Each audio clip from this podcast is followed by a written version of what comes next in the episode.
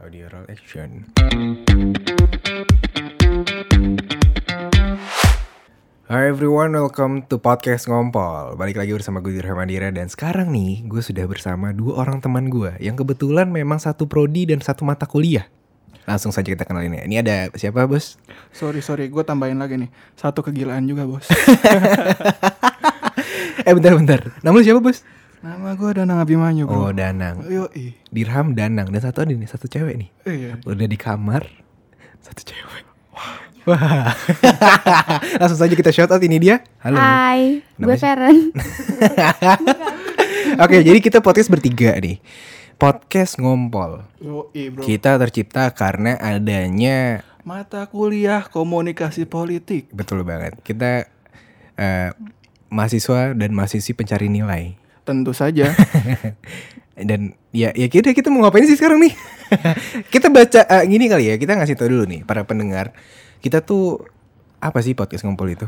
Mungkin kan kita bertiga kemarin kan di introduction gue doang nih ngomong nih. Mungkin ada pandangan sedikit lu dari lu Nang. Nanti mungkin dari Feren juga. Kalau gue komunikasi politik itu lebih kayak yang apa pendapat lu tentang politik-politik yang terjadi di Indonesia aja sih menurut gue. Oh, lu melek lu melek melek banget politik nih kayaknya nih. Uh, kagak dong. uh, kagak dong. Buat apa? Mencari nilai. Tentu saja mencari nilai. iya sih. Kita Tapi emang iya emang emang gitu ya. Eh, ya ya mau gimana politik juga kayaknya berat banget ngomongin politik. Ya tentu saja sih kalau misalkan kita lihat di media ya kayak emang kayak gitu-gitu juga bolak-balik bolak-balik Ya. yang megang pemerintah, yang Iya. megang penguasa. Iya. Iya, ya biasa lah. Kalau kata lu kayak gitu ya. Nah, kalau dari Valen sendiri gimana nih, Ver? Yo, yo, bisa dong. Kenapa nih? Eh kan ngomong-ngomong ya, sebelum jauh ya. Ngompol ini kan ngomongin politik. Namanya juga dari dia nih. Iya. Iya nggak? Founding father. The founding father. kenapa? Kenapa? Apa pandangan lu tentang politik?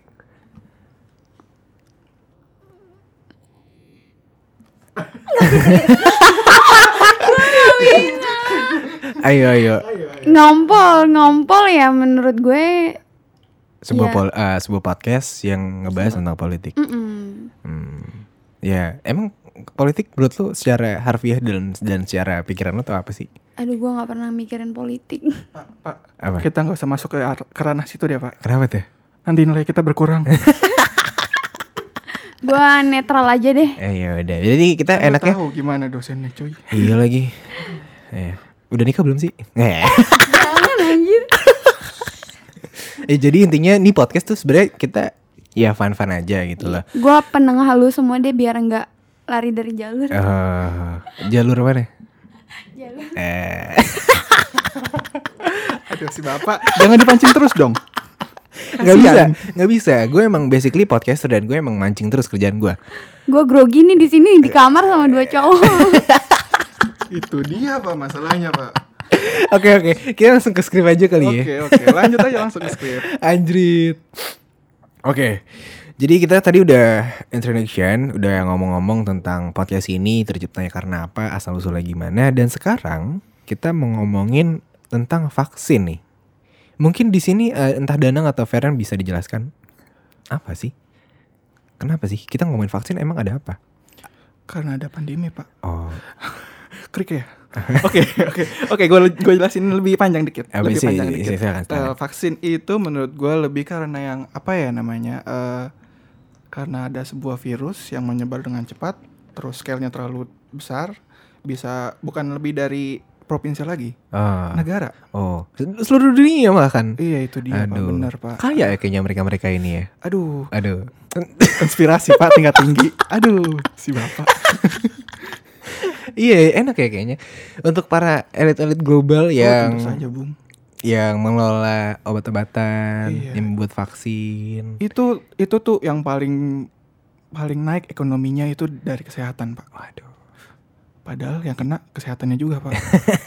Gimana tuh Pak menurut lo, Pak? Iya iya iya Gimana ya Sebuah Iya konspirasi nggak, Pak? Iya lagi Kayak roller, roller, roller coaster gitu ya Iya, Pak. Muter-muter aja gitu lah iya. Ya udah pusing kali Eh, Gue juga pusing sih pas sebenarnya. Kalau pandangan dari Mbak Feren Mbak Feren gak tuh Gimana gimana Kalau tentang vaksin menurut lo tuh Kalau gue, gue baca dari yang gue rangkum aja deh ya. Bisa, Enggak bisa. sih, maksudnya gue udah baca di situs covid19.go.id, Oke. vaksin itu adalah zat yang memang dibuat untuk merangsang pembentukan kekebalan tubuh dari penyakit tertentu sehingga bisa mencegah terjangkit dari penyak- penyakit tertentu itu. Jadi kalau sekarang kan lagi rame Covid nih. Nah, zat yang dibentuk itu tuh zat zat Covidnya itu gitu. Oh, jadi From COVID to COVID. ah, Iya. jadi sebenarnya vaksin ini berasal dari eh, COVID itu sendiri ya. Dia melakukan demokrasi COVID. Tapi kita juga menganut sistem demokrasi tapi banyak banyak banget yang hal-hal yang nggak nggak pernah didengerin gitu loh. Itu dia, Pak. Aduh, ini nyindir banget ya. Ya, pemerintah, Pak, biasa. Aduh, maaf, maaf, maaf bercanda gue. Oke, sama, Pak. gue takut nih, gue takut abis podcast ini ada yang ngehubungin gue, Iya, atau enggak Pak. lu, atau enggak dia. Gue langsung unblock aja kali ya. Iya. ta- Gua makanya gue main aman gue baca dari covid.go.id. oh, Oke. ini ini ini sumbernya udah udah valid banget ya. Iya, Iya, anjrit. Jadi kalau misalkan kita ada apa-apa, ke dia aja, Pak. Iya. Oke. Karena ini sumbernya dari dia. Oke, betul sekali. iya, gue mancing aja di sini. Sama, Pak. Tapi ngomong-ngomong soal vaksin ya, lu berdua udah pernah divaksin belum sih? Gue udah Oh, lu udah. pas kecil. Eh, itu polio, mohon maaf. Itu polio, vaksin polio. Tapi kan Anda nanya cuma vaksin doang, Pak. Oh, apa tuh? Anda kan nanya, nanya cuma vaksin, Oh Pak. iya iya. Iya udah. Untuk kalian berdua pernah nggak? Udah udah udah ngalamin belum vaksin COVID-19? Kalau saya sih, saya no ya. Oh no. Apakah anda anti vaksin? Wah anda ini. Saya penganut herd immunity. Oh sehat ya. Kalau ibu Feren? Kalau gue belum divaksin. Oh tapi udah ada arahan-arahan belum dari kantor gitu atau dari RT RW setempat atau kelurahan atau Kalau- kecamatan gitu ya? Belum atau mantan sih. mungkin mengarahkan untuk vaksin silakan. Enggak enggak bercanda. Iya, iya, Kan serius. sekarang kan emang lagi ada apa tuh namanya?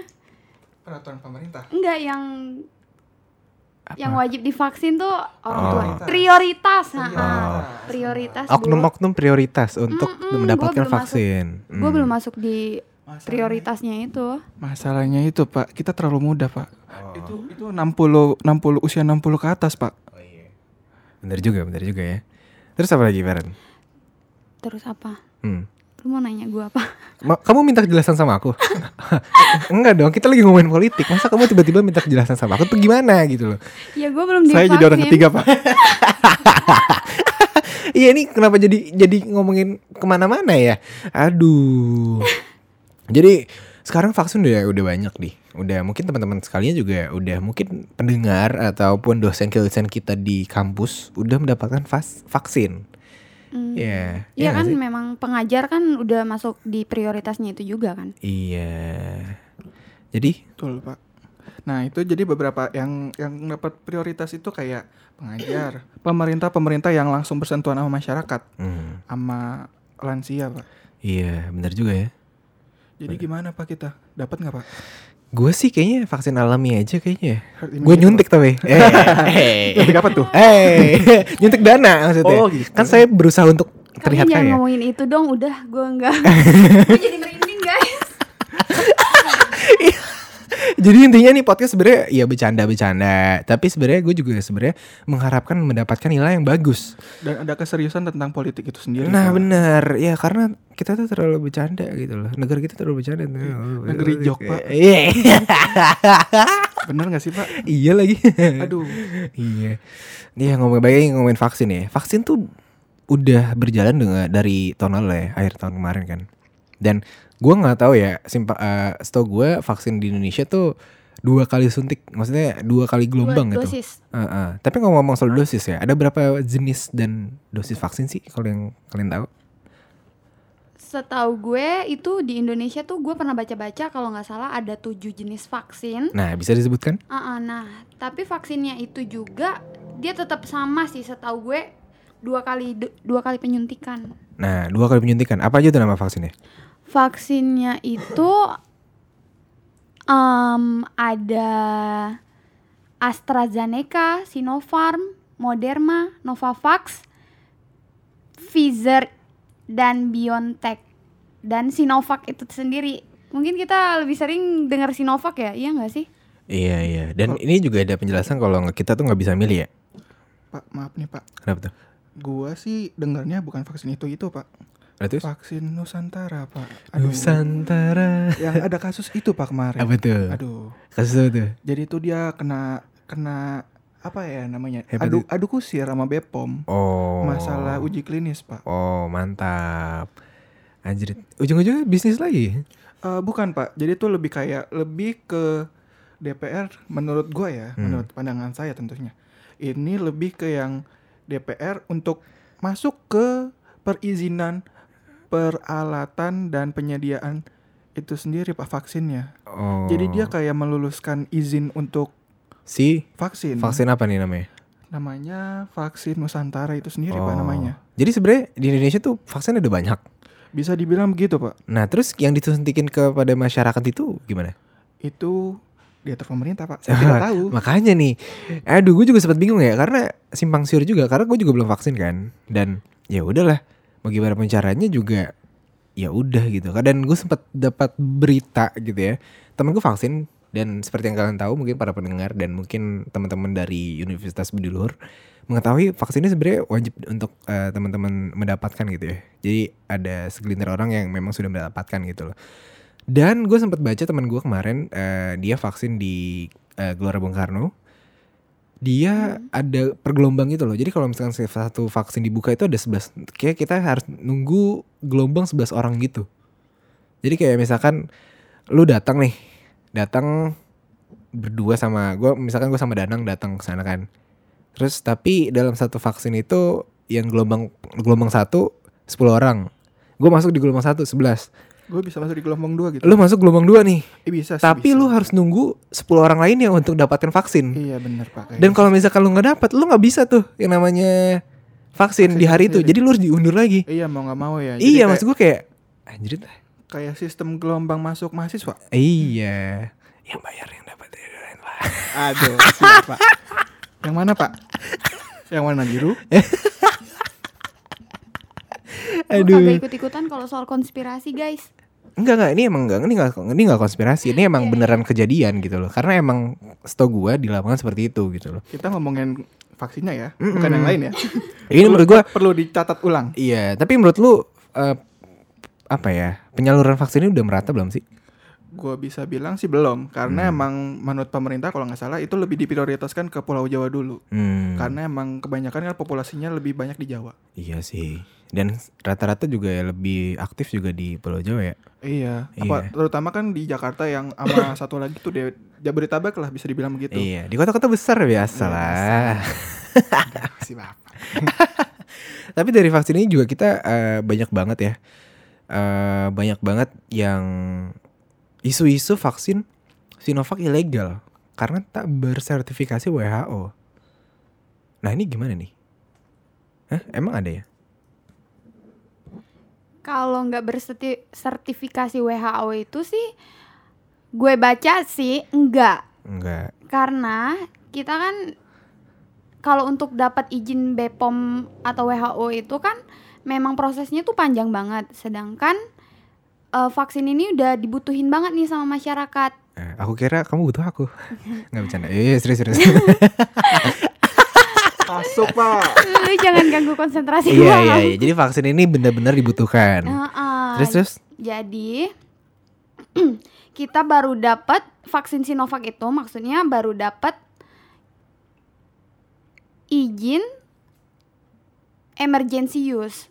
Jadinya namanya emergency use auto Riz- Authorization. authorization. Atau Nah, diseng- disingkat dengan E- EUA. EUA. Emergency Use Authorization. Heeh. Ini adalah sebuah persetujuan penggunaan obat selama kondisi kedaruratan kesehatan masyarakat untuk obat yang belum mendapatkan izin edar nih, Iya. atau obat yang telah mendapatkan izin edar, tapi, ini ada tapinya nih guys, Mm-mm. dengan indikasi penggunaan yang berbeda untuk kondisi kedaruratan kesehatan masyarakat. Nah, berarti di sini dalam Oh. konteksnya tetap benar-benar digunakan, cuman untuk kalangan tertentu yang yang darurat banget dan urgensi banget gitu loh. Iya, jadi tuh ada kriterianya tuh supaya eh apa maksudnya biar dapat izin EUA-nya ini juga harus punya kriteria gitu loh, Pak. Oh, nah, benar-benar. kriterianya itu em, keadaan darurat dan dibutuhkan oleh masyarakat. Oh, aku Terus- kira aku kira kamu eh, membutuhkan kriteria pasangan itu seperti apa? Iya, dong, seperti kamu dong.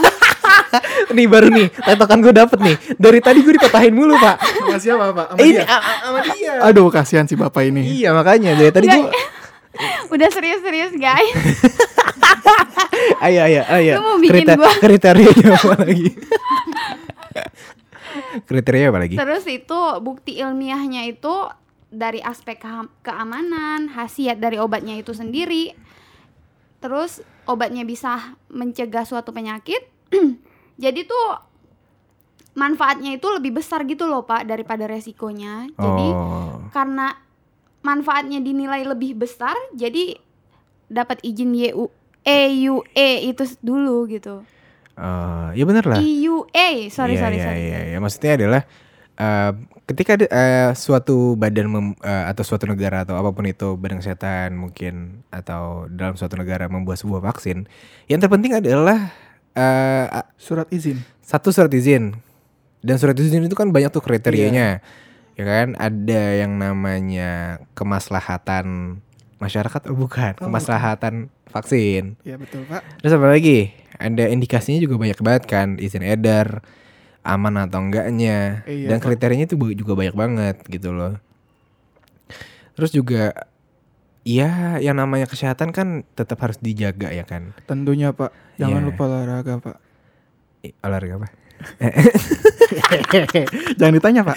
Maksud gue olahraga lari sekarang. Iya pak. Olahraga tuh workout, Kalau workout. misalkan kalau misalkan nggak bisa lari di luar, bisa aja di rumah pak. lari dari kenyataan. Bisa dibilang begitu.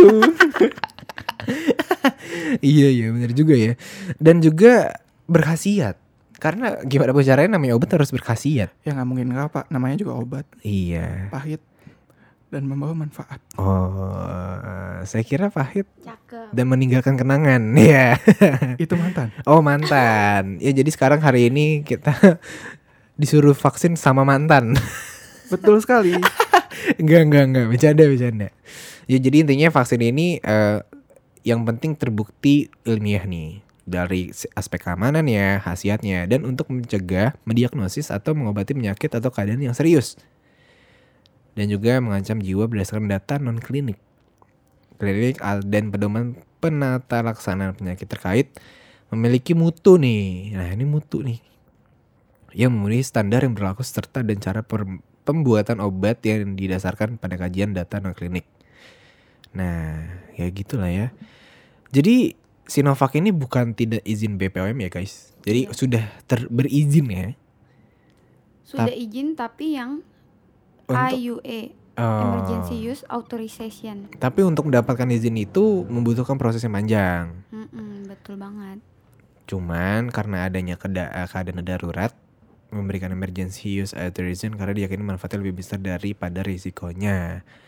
Oh, tapi berarti vaksin ini tidak selalu serta merta baik ya? Pasti ada efek samping ya? Tentu pak. Iya, kayak seperti kebanyakan pacaran jadi bucin ya kan? Bisa dibilang begitu pak. Jadi budak cinta gitu. Aduh.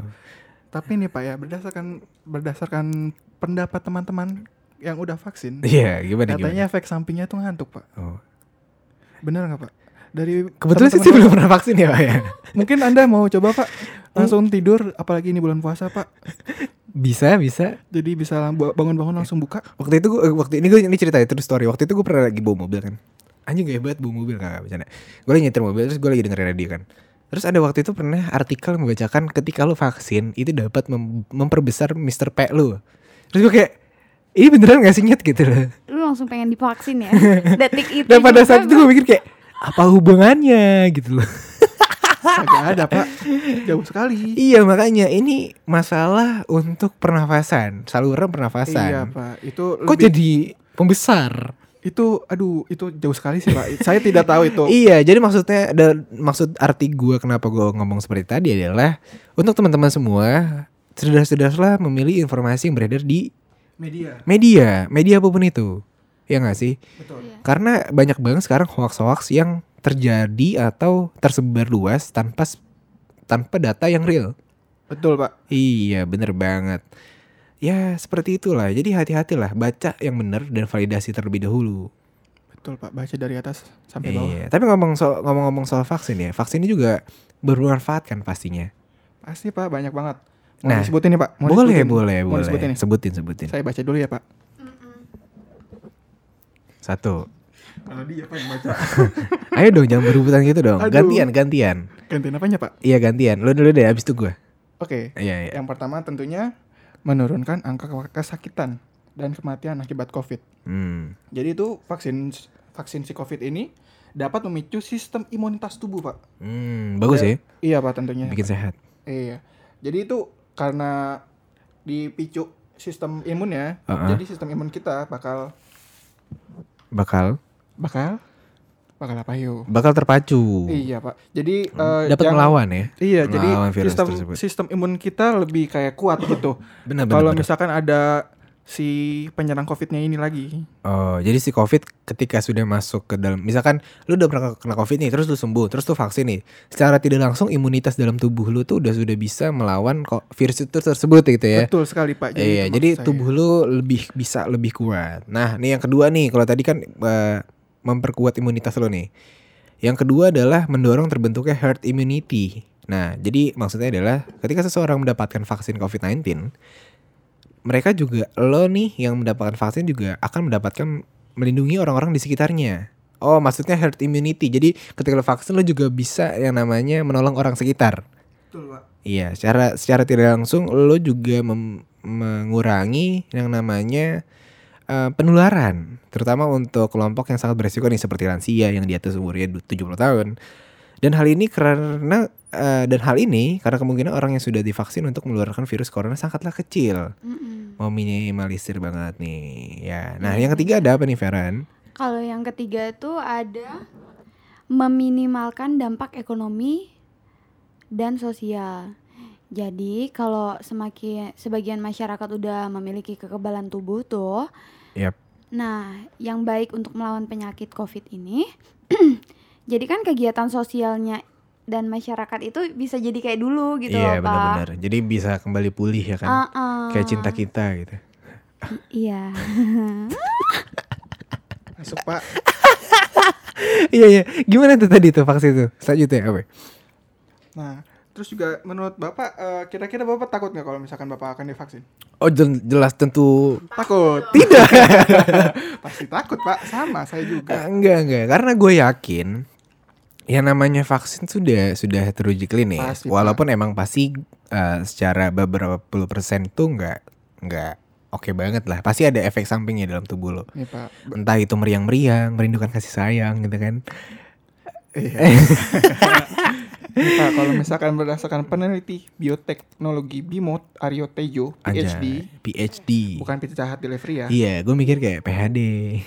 Halo PHD masuk dong ke podcast ngompol. Siapa tahu kan kita lagi nge-podcast dikirimin pizza. Bisa. Bisa Pak. Bisa. Dan apa kata Bro Bimo? Bro Bimo, so kenal bang. Nah, kata Bro Bimo ini, Ya. orang yang tidak meninggal itu karena divaksin, orang tidak akan meninggal karena divaksin. Oh. Jadi Mhm. nggak bakal takut kalau misalkan harus divaksinasi. Oh. Dan ada juga yang bilang kalau misalkan melalui vaksin itu diselundupkan microchip. Nah, Nah, nih. ini nih Pak, Ini nih. konspirasi dunia lagi nih Pak. Conspiration nih. Ini Pak, Gue suka brand, nih. Brand brand mobil Oh, apa? Tesla. Oh, family gue kira. Sepeda, sepeda. Aduh? Oh, beda, beda ya. Tesla Pak. Oh, iya itu teman gue tuh. Nah, Owner ini teman gue. Ini tuh yang katanya Iya. mau menanamkan microchip itu Pak. Waduh, yang bahaya, apa bahaya. namanya sama Bill Gates kalau nggak salah ya. Hmm, tapi nggak make sense juga gak sih? Itu kan cairan coy. Iya itu dia. Iya, tapi Pak, makanya masalahnya. eh gue nggak tahu juga sih ya teknologi seperti apa sekarang Iya, yang berkembang. juga, Pak. Ya, ya udahlah ya. Jadi gue rasa sih ini nggak make sense banget gitu loh. menurut gue juga nggak nggak masuk akal banget gitu ya. Soalnya kan HP lo aja nih sekarang itu udah semua data diri lo tuh udah ada di HP lo. Lo di mana bisa ketahuan lo tinggal lacak melalui email lo atau apa gitu dicek dari email HP lo atau apa kan udah ketahuan lo di mana lo ngapain lo ngorok kayak apaan. Gimana nang menurut lo? Yang menurut menurut gue itu yang ketambahannya lagi tuh lebih kayak yang pernah nggak sih lo mikir kalau misalkan dimasukin microchip gitu tiba-tiba ada hacker Hmm. hacker ngehack sim chipnya dalam tubuh lo apa yang lo pikir Eh, gue bakal jadi orang kaya sih. Jadi kayak bisa ngehack aja. Ngerti gak lu? Kayak gue tuh pikirin misalkan ada itu microchip. kan bagi hackernya pak Iya maksud gue kayak eh, lu jadi sakti aja gitu. Lu bisa masuk ke Interpol Interpol dalam suatu negara gitu kan kayak Anjir, lu pernah nonton Jack Snyder, Sna- Jack Snyder gak sih? Aduh pak, maaf pak, saya nontonnya sinetron. Aduh, azab ya, azab ya. Tentu saja. Ah, azab nih. Ini hati-hati ini yang kena vaksin udah pernah kena azab belum? Oh belum ya. Kita sebagai masyarakat harus pinter-pinter dulu. Kita harus mencari tahu dulu apa vaksinnya itu, dari mana asalnya, gimana caranya, penyuntikannya seperti apa. Kayak milih jodoh ya pak. Iya, bener banget, Bibit, cocok-cocokan. Bobot, apalagi Bebet. itu. Iya, Dan dan dipertimbangin ya pak. Jadi pada intinya adalah vaksin ini sebenarnya aman guys. Jadi buat teman-teman semua, em, cobalah mungkin yang memiliki privilege atau memiliki sudah pernah divaksin, gue yakinkan ini adalah aman. Karena tadi beberapa manfaatnya juga banyak banget. Dan juga ini juga sebagai program pemerintah untuk menciptakan herd immunity yaitu kekebalan masyarakat atau herd immunity adalah kondisi ketika cukup banyak populasi kebal terhadap penyakit menular sehingga mereka ini dapat memberikan perlindungan pada semua penduduk termasuk yang belum kebal atau mereka yang tidak dapat membentuk kekebalan terhadap penyakit tersebut. Nah, penentuan angkanya juga vaksinasi itu seharusnya didasarkan pada jenis vaksin yang digunakan nih, efikasi dari vaksin tersebut serta varian galur galur virus yang dominan di daerah tersebut. Dengan efikasi vaksin buatan Sinovac hanya 65,3 persen. Setidaknya 70 persen warga Indonesia itu harus divaksin gitu loh. Jadi pada intinya gimana Pak Danang? Go vaksin. Oh, vaksin. Danang vaksin. Lu Feren? Gue setuju sih sama vaksin. Iya, dan Hmm. terakhir gua juga sangat amat setuju tentang adanya sebuah program ya walaupun ini bisnis bisnis juga ya. Ya, ya udahlah ya. Jadi intinya untuk masyarakat Indonesia. Eh, eh, jadi intinya nih ya terakhir ya. Jadi intinya untuk masyarakat Indonesia jangan takut untuk divaksin ya karena benar-benar nggak ada yang harus ditakutkan. Justru manfaat manfaatnya itu banyak banget dan besar banget. Bisa balik lagi ke normal pak. Iya, amin. Karena gue juga Amin. merindukan banget yang namanya jalan-jalan nggak pakai masker. Merindukan kasih sayang. Oh, udah kan tadi. Gue udah merindukan klub sih. Clubhouse, Clubhouse, Clubhouse. Clubhouse. Nah, mungkin teman-teman di sini mungkin tahu kan aplikasi jejaring sosial yang Betul, hanya di Pak. iPhone. Iya benar-benar. Clubhouse, eh, iya. Oke, terima kasih mungkin Bapak Bapak Danang dan Ibu Feren telah ngobrol di sini di podcast Ngompol ya. Terima Sebenarnya kasih. ini adalah konten untuk bertiga karena untuk me- apa ya? Sebagai campaign dan meluruskan dan mengajak eh, teman-teman semua khususnya masyarakat Buluhur untuk menjaga kebersihan karena salah satu hal ketika lo nggak bersih juga percuma karena dengan adanya pandemi ini kita juga mengharuskan diri kita untuk bersih. Bersih, tertib, aman. Iya. Terus habis itu jaga kesehatan. Iya, menerapkan protokol-protokol kesehatan yang sudah dijalankan oleh pemerintah. Ingat pesan ibu pak. Iya, 3M. Satu, apa? Memakai masker. Dua, Mencuci tangan. tiga, menjauhi kerumunan. Anjir. Betul pak.